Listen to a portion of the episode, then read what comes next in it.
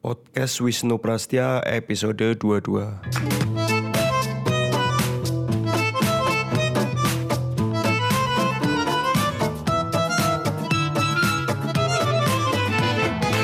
Halo, ketemu lagi dengan podcast yang membahas isu-isu media dan jurnalisme.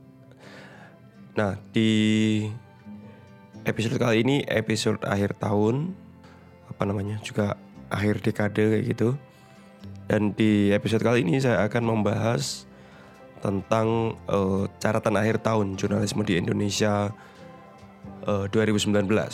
Nah, ya sebelumnya saya minta maaf dulu karena suara saya masih serak gitu ya, masih biasa masih tepar efek akhir tahun kayak gitu. Nah, di episode kali ini saya akan membahas uh, beberapa catatan saya mengenai jurnalisme di Indonesia dari uh, beberapa liputan-liputan yang saya anggap menarik sampai catatan-catatan kritis terkait lanskap uh, media di Indonesia. Tentu disclaimernya adalah ini catatan subjektif saya ya misalnya beberapa liputan yang saya anggap menarik atau liputan yang mungkin teman-teman anggap menarik tapi tidak masuk dalam catatan saya ya uh, apa namanya saya kira jadi wajar kemudian karena ini tidak menggunakan metode yang ketat kira-kira kayak gitu. Nah di episode kali ini saya ada beberapa catatan terkait dengan uh, perkembangan media dan jurnalisme di Indonesia di tahun 2019 dari perkembangan yang sifatnya menurut saya menggembirakan kayak gitu ya dan dan dan uh, positif kayak gitu dan memberikan harapan kira-kira bagi masa depan jurnalisme di Indonesia dan perkembangan yang yang saya kira sifatnya negatif yang artinya menjadi ancaman bagi masa depan jurnalisme di Indonesia. Terdengar paradoks ya tapi saya kira memang ada ada ada hal yang sifatnya positif dan negatif yang ini mesti uh, dihadapi kayak gitu dalam konteks industri media dan jurnalisme di Indonesia. Catatan saya yang pertama adalah di tahun 2019 ini kita semakin sering membaca, menonton atau mengakses berita-berita panjang yang itu merupakan kolaborasi dari berbagai media. Ya kata kuncinya kolaborasi dan ini menurut saya menarik artinya liputan-liputan yang muncul karena adanya uh, kerja-kerja bareng antar uh, lintas media kayak gitu. Yang ini mungkin di beberapa tahun yang sebelumnya belum muncul karena biasanya dan saya kira sentimen itu masih ada sampai sekarang ya. Uh, setiap media itu berlomba-lomba dengan eksklusivitas liputan, artinya kolaborasi atau kerjasama itu justru akan membuat liputan mereka tidak eksklusif, kira-kira kayak gitu sentimen ini saya kira masih masih sering muncul kayak gitu. Nah, terkait kolaborasi media, saya mesti menyebut kolaborasi nama baik kampus sebagai salah satu kolaborasi yang menurut saya cukup berhasil ya. Dan dampaknya itu luas kayak gitu. Jadi buat teman-teman yang mungkin tidak tidak menyimak kolaborasi nama baik kampus ini kan kolaborasi yang melibatkan Tirto, Jakarta Post, Vice, Vice Indonesia, juga awalnya ada BBC Indonesia kayak gitu. Nah, kolaborasi ini fokus pada uh, isu kekerasan seksual di kampus-kampus di Indonesia.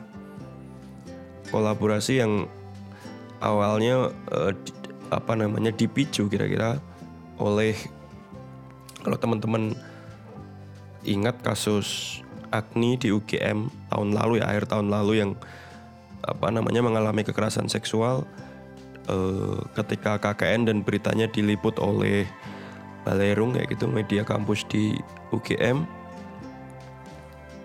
yang uh, isu ini meledak di akhir dan awal tahun 2019 yang kemudian Gayung itu bersambut kayak gitu. Karena kemudian persoalan kekerasan seksual ini kan persoalan yang banyak orang yang kemudian menyebutnya sebagai persoalan uh, gunung es kayak gitu fenomena gunung es. Artinya apa yang nampak di permukaan itu jauh lebih kecil daripada apa yang di bawah uh, laut kayak gitu. Artinya ada problem besar di sana. Ya ini yang menurut saya kolaborasi nama baik kampus dari beberapa media ini yang berhasil untuk kemudian memberikan awareness atau membuka apa sebenarnya yang ada di bawah gunung es tadi sebesar apa kayak gitu. Dan kalau teman-teman memperhatikan kan liputan ini sangat saya kira sangat sangat menarik ya dia membongkar ada kasus kekerasan seksual di di mana ya? Di ya selain di UGM ada di Undip ada di saya lupa uh, di Malang itu kampus. Dan juga di beberapa kampus lain. Kan itu liputan yang yang saya kira kolaborasinya masih terus berlanjut sampai saat ini. Dan belum belum belum dihentikan kayak gitu dan Tirto Jakarta Post Vice uh, mendapatkan cerita dari ratusan orang gitu ya whistleblowers atau korban kekerasan seksual di kampus kayak gitu yang ya saya kira apa yang diberitakan mungkin tidak atau belum menggambarkan apa yang sebenarnya terjadi di kampus-kampus di Indonesia khususnya terkait isu kekerasan seksual ini. Artinya dalam konteks ini saya kira eh, liputan kolaborasi nama baik kampus ini berhasil tadi seperti yang saya bilang mem mem memberikan awareness kepada kita kepada publik bahwa ada persoalan yang urgent di kampus untuk diselesaikan. Dalam hal ini tentu kekerasan seksual yang tadi dipicu oleh uh, berita Balerung di tahun akhir tahun lalu ya. Nah ini yang yang saya kira mungkin tidak akan muncul kalau beberapa media ini tidak melakukan kolaborasi. Karena sejauh yang saya ingat memang ada beberapa media yang sudah melakukan liputan terkait kekerasan seksual tapi sifatnya tidak tidak kolaboratif gitu ya. Sehingga mungkin efek kejutnya itu baik itu dalam konteks ke dalam ke internal kampus yang memaksa kampus untuk melakukan perbaikan-perbaikan dan merespon dengan lebih serius kalau ada kasus-kasus kekerasan seksual. Selain itu juga keluar memberikan pemahaman kepada publik bahwa ya kampus itu tidak baik-baik saja. Ada problem besar di sana. Ada kasus-kasus yang tidak selesai, ada korban yang uh, apa namanya didiamkan kayak gitu. Nah, ini dalam konteks kolaborasi nama baik kampus kan efek kejutnya jadi lebih lebih besar jadi lebih kuat kayak gitu ini saya kira menjadi catatan yang yang positif dalam konteks uh, kolaborasi media kayak gitu. Kemudian uh, kolaborasi lain juga uh, dikerjakan oleh uh, Tempo Tirto dan Jaring kalau tidak salah ya yang uh, berhasil mendapatkan uh, video perusakan uh, salah satu bukti kasus korupsi di KPK buku merah saat itu yang yang diduga diluka, yang diduga dilakukan oleh uh, polisi menurut saya ini salah satu liputan kolaboratif yang uh, apa menggunakan jurnalisme investigasi yang kemudian bisa mendapatkan bukti keras yang itu ditampilkan kepada publik. Saya kira hari-hari ini di, khususnya di Indonesia ya semakin jarang kita bisa mendapatkan liputan-liputan investigatif yang menampilkan bukti-bukti keras yang sulit untuk dibantah kira-kira kayak gitu. Artinya eh, liputan kolaborasi yang dilakukan oleh beberapa media ini oleh Tempo, Tirto, Jaring ini saya kira menjadi penting. Apalagi uh, menyangkut isu yang sangat sensitif gitu ya problem uh, politik juga hukum kayak gitu yang melibatkan orang-orang penting yang ada dalam kekuasaan yang ini memang kita tuntut dari jurnalisme investigasi bagaimana dia bisa menjadi anjing penjaga yang tajam kayak gitu yang bisa kemudian uh, punya peran penting dalam memperjuangkan uh, kepentingan publik kayak gitu. Dan yang tentu berani ya berani melakukan uh, apa namanya liputan yang mungkin akan berisiko. Kayak gitu. Nah kolaborasi ini yang videonya itu kalau kalau di Twitter itu kan dilihat sampai jutaan vision. Ini menurut saya ya tadi keberhasilan bagaimana seorang jurnalis investigasi memberikan mendapatkan bukti otentik kira-kira begitu ya. Meskipun ada beberapa suara yang menyangsikan video itu. Yang ini ironisnya juga uh, kritik itu muncul dari beberapa uh, pakar komunikasi ya gitu ya peneliti media yang yang yang menurut saya mestinya bisa lebih pro terhadap uh, apa jurnalisme investigasi itu sendiri. Tapi saya kira lepas dari pro kontra itu apa yang dilakukan oleh uh, Tempo, Jaring, Tirta ini tetap penting untuk uh, terus dilanjutkan. Kira-kira begitu. Untuk mengontrol agar kekuasaan ini tidak berjalan dengan sewenang-wenang. Dan selain itu ya kolaborasi lain beberapa waktu yang lalu, minggu atau dua minggu lalu ada ada liputan kolaboratif uh, Tempo dan uh, Tirto juga yang menginvestigasi kontroversi yang melibatkan uh, Menteri Kesehatan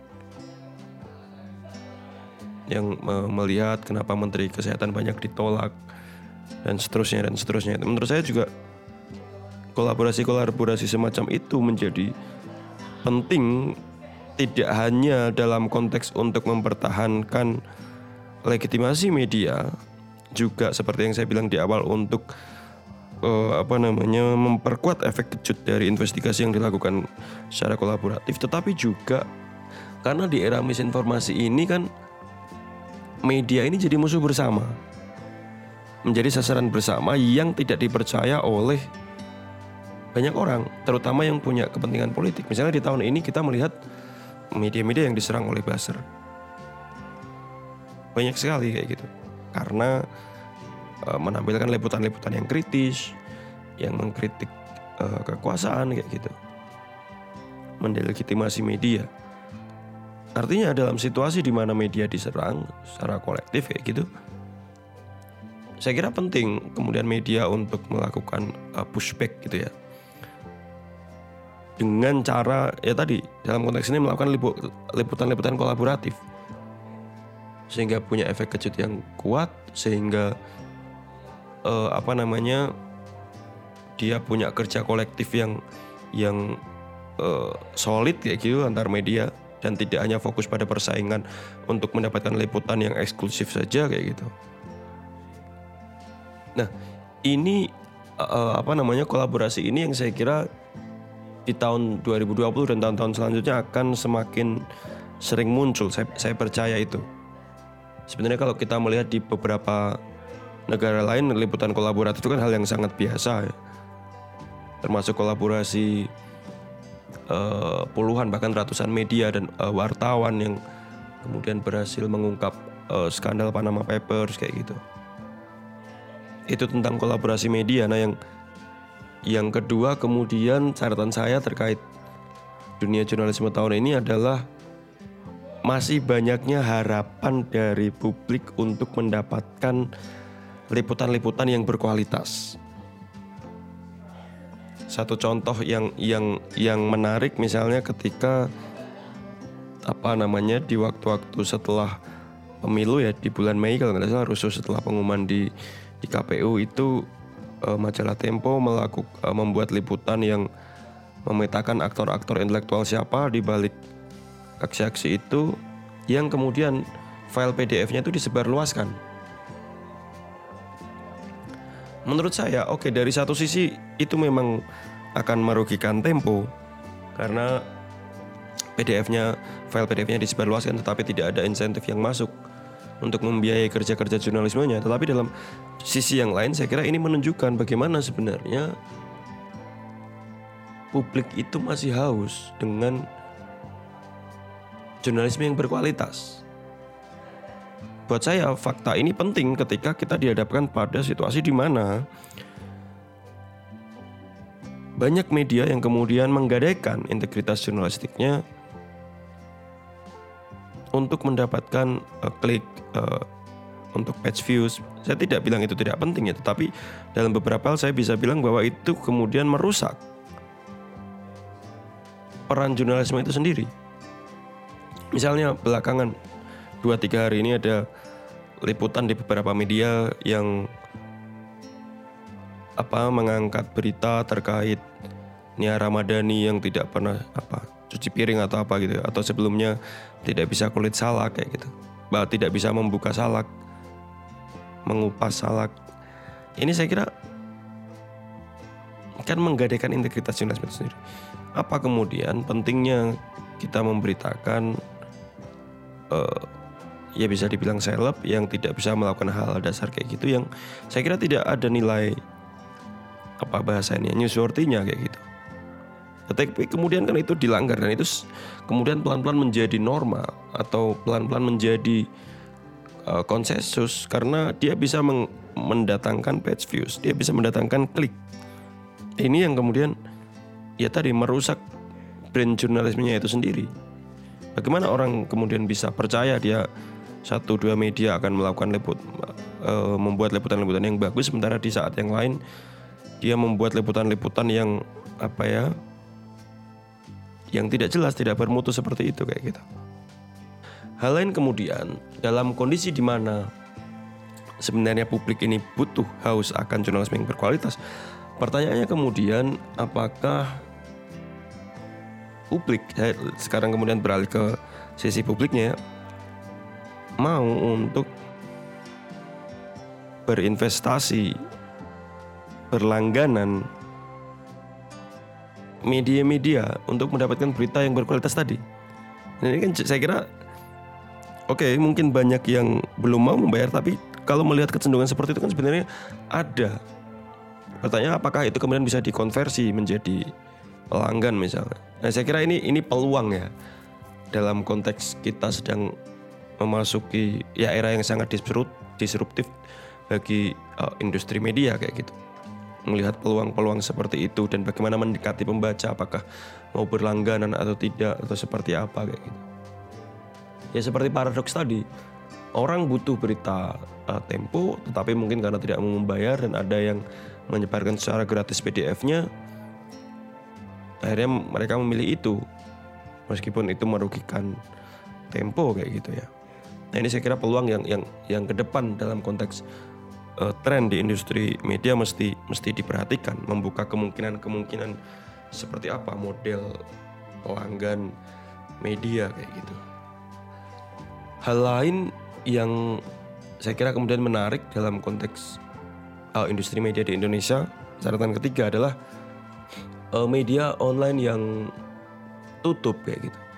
Setidaknya ada Beritagar ID yang kemudian berganti nama menjadi uh, Lokadata ID ya nah, berdasarkan apa surat editorialnya kan Beritagar ingin berubah uh, menjadi Lokadata ini dengan fokus pada hasil riset atau analisis mengenai dunia usaha serta ekonomi politik. Dan dalam dalam perubahan ini uh, mereka merumahkan bahasa mereka merumahkan sekitar 17 orang ya, atau bahasa jujurnya mem-PHK gitu. Bahwa ada perubahan atau adaptasi itu tentu penting dalam konteks era digital ini. Tapi saya kira kemudian perumahan uh, pemutusan hubungan kerja ini, pemecatan dan juga perubahan berita ini sebenarnya menunjukkan model bisnis media online yang sustain yang uh, bisa bertahan lama di Indonesia itu masih belum muncul, belum stabil kayak gitu. Karena selain konteks berita ini saya juga mendengar beberapa media online yang mungkin tahun depan itu terancam tutup kayak gitu. Beberapa media yang yang saya kira akrab lah di, di kita baca kayak gitu. Ini kan sebenarnya situasi yang menurut saya mengkhawatirkan. Artinya dulu kita pernah ada dalam situasi di mana kita yakin bahwa media online akan menggantikan koran, tetapi koran ternyata juga masih bertahan. Dan sekarang kita ada dalam situasi di mana uh, mengelola media online itu juga punya kesulitan sendiri, lebih-lebih karena kita belum menemukan ada model bisnis yang yang tepat seperti yang saya bilang tadi yang bisa bertahan lama dan stabil buat media online kayak gitu. Saya kira belum ada rumus yang apa yang yang ideal ya selain menampilkan berita-berita yang clickbait dan mengambil iklan dari berita-berita itu kayak gitu. Ini yang saya kira mesti di uh, diperhatikan buat industri media karena kalau tren ini berlanjut ya seperti itu beberapa media online akan tutup dan mungkin akan ada digantikan yang baru yang kemudian kalau model bisnisnya atau dia tidak mendapatkan kapital besar gitu akan akan mengulang kayak gitu. Ini yang kan menurut saya jadi berbahaya kemudian. Apalagi ini tidak hanya melanda katakanlah eh, media-media kecil gitu ya, tapi juga eh, media-media dengan uh, reputasi dan nama besar kayak gitu. Dan ya lagi-lagi jika tidak teratasi dengan baik kita akan melihat di tahun depan ada dua atau tiga media mainstream online yang tutup atau bangkrut atau setidaknya akan mengurangi jumlah pekerjanya besar-besaran. Yang ini sebenarnya sudah bisa kita rasakan selama beberapa bulan belakangan kayak gitu. Hal keempat yang jadi catatan saya uh, terkait lanskap media dan dunia jurnalisme di Indonesia tahun 2019 adalah semakin banyaknya kasus-kasus kekerasan terhadap jurnalis. Aliansi Jurnalis Independen barusan uh, mengeluarkan catatan akhir tahunnya yang yang menggarisbawahi kasus-kasus kekerasan jurnalis yang semakin banyak dan tidak terselesaikan. Dan saya kira ini ini menjadi berbahaya karena lagi-lagi kita dihadapkan pada situasi di mana jurnalis tidak bisa bebas untuk menjalankan tugasnya kalau teman-teman pernah ingat misalnya di tahun 2019 ini kita akan menemukan banyak sekali kasus kekerasan terhadap jurnalis. Misalnya waktu uh, di bulan Oktober ya, demo-demo penolakan pengesahan RKUHP, kemudian revisi Undang-Undang KPK dan demo-demo demo ma mahasiswa di berbagai kota itu banyak sekali jurnalis di berbagai daerah yang mendapatkan intimidasi yang ancamannya beragam ya. Dari intimidasi ya, diminta menghapus foto, kalau tidak salah ini terjadi di, di, di Sulawesi ya, sampai ada yang dihalang-halangi meliput.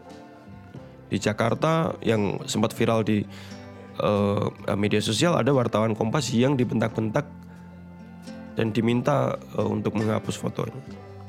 Saya kira presiden ini kan memburu karena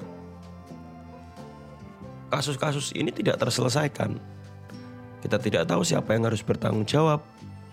Sementara ancaman terhadap jurnalis itu semakin nyata kayak gitu.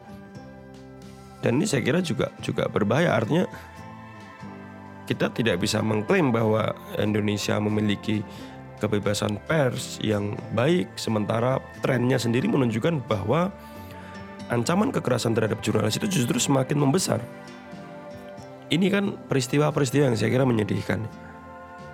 Karena ketika kita sampai di era keterbukaan 20 tahun setelah reformasi, media mestinya memiliki ke keleluasaan untuk meliput dan mempertanggungjawabkan liputannya. Kalau memang kemudian aparat tidak melakukan kesalahan, mestinya tidak perlu takut uh, apa namanya dengan laporan wartawan karena kita melihat ada beberapa kejadian di mana yang mengintimidasi itu adalah aparat kayak gitu, aparat keamanan kayak. Dan apalagi ada mekanisme jika memang pemberitaan media yang tidak berimbang itu bias dan tidak berimbang dan seterusnya kayak gitu.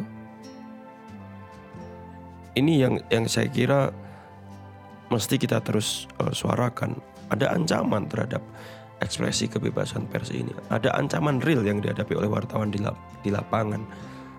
Bahkan di di mana ya di, di Sumatera Utara kalau tidak salah ada ada wartawan yang yang meninggal kayak gitu. Hal lain juga catatan saya yang kelima terkait dunia media dan jurnalisme di Indonesia tahun ini misalnya kita, adalah bagaimana media ternyata juga punya peran dalam penyebar luasan misinformasi. Saya akan mengambil satu kasus spesifik uh, meskipun pernah saya bahas terkait dengan Livi Zheng. Livi ini kan awalnya oh di tahun ini dia uh, berkonflik dengan beberapa media. Tirto, Geo Times kalau tidak salah sama satu lagi uh, asumsi.co kalau tidak salah juga yang uh, melaporkan apa lebih yang melaporkan mereka ke dewan pers karena menganggap berita yang tidak berimbang. Tapi berita tentang Levi Zhang ini muncul karena juga dulu banyak media yang kemudian memblow up Zhang dan ternyata banyak fakta-fakta yang kemudian diketahui dan dibongkar oleh beberapa media yang kemudian secara intens meliput Levi Zhang dan ketahuan bahwa beberapa klaim Levi Zhang ini uh, bermasalah atau tidak benar kayak gitu. Artinya ada, ada peran media di sana. Lebih uh, jelasnya teman-teman bisa melihat di episode tentang uh, Livi Zeng ya. Mungkin um, episode keberapa di podcast ini ke 15 atau 16 kalau saya tidak salah. Belum lagi kalau kita melihat uh, semakin banyaknya media yang salah atau keliru dalam menulis berita kemudian tidak melakukan klarifikasi ketika segera ketahuan berita itu salah. Dan ini fenomena yang saya kira sebenarnya mengkhawatirkan. Karena ketika kita berharap banyak pada media tetapi media melakukan kesalahan yang sebenarnya kesalahan itu bisa dihindari kalau verifikasi dilakukan dengan lebih baik tapi ternyata tetap tetap kecolongan dan itu bisa berbahaya dalam konteks bagaimana kemudian publik bisa atau pihak-pihak yang tidak senang dengan media bisa menggunakan itu untuk mendelegitimasi media itu sendiri kayak gitu.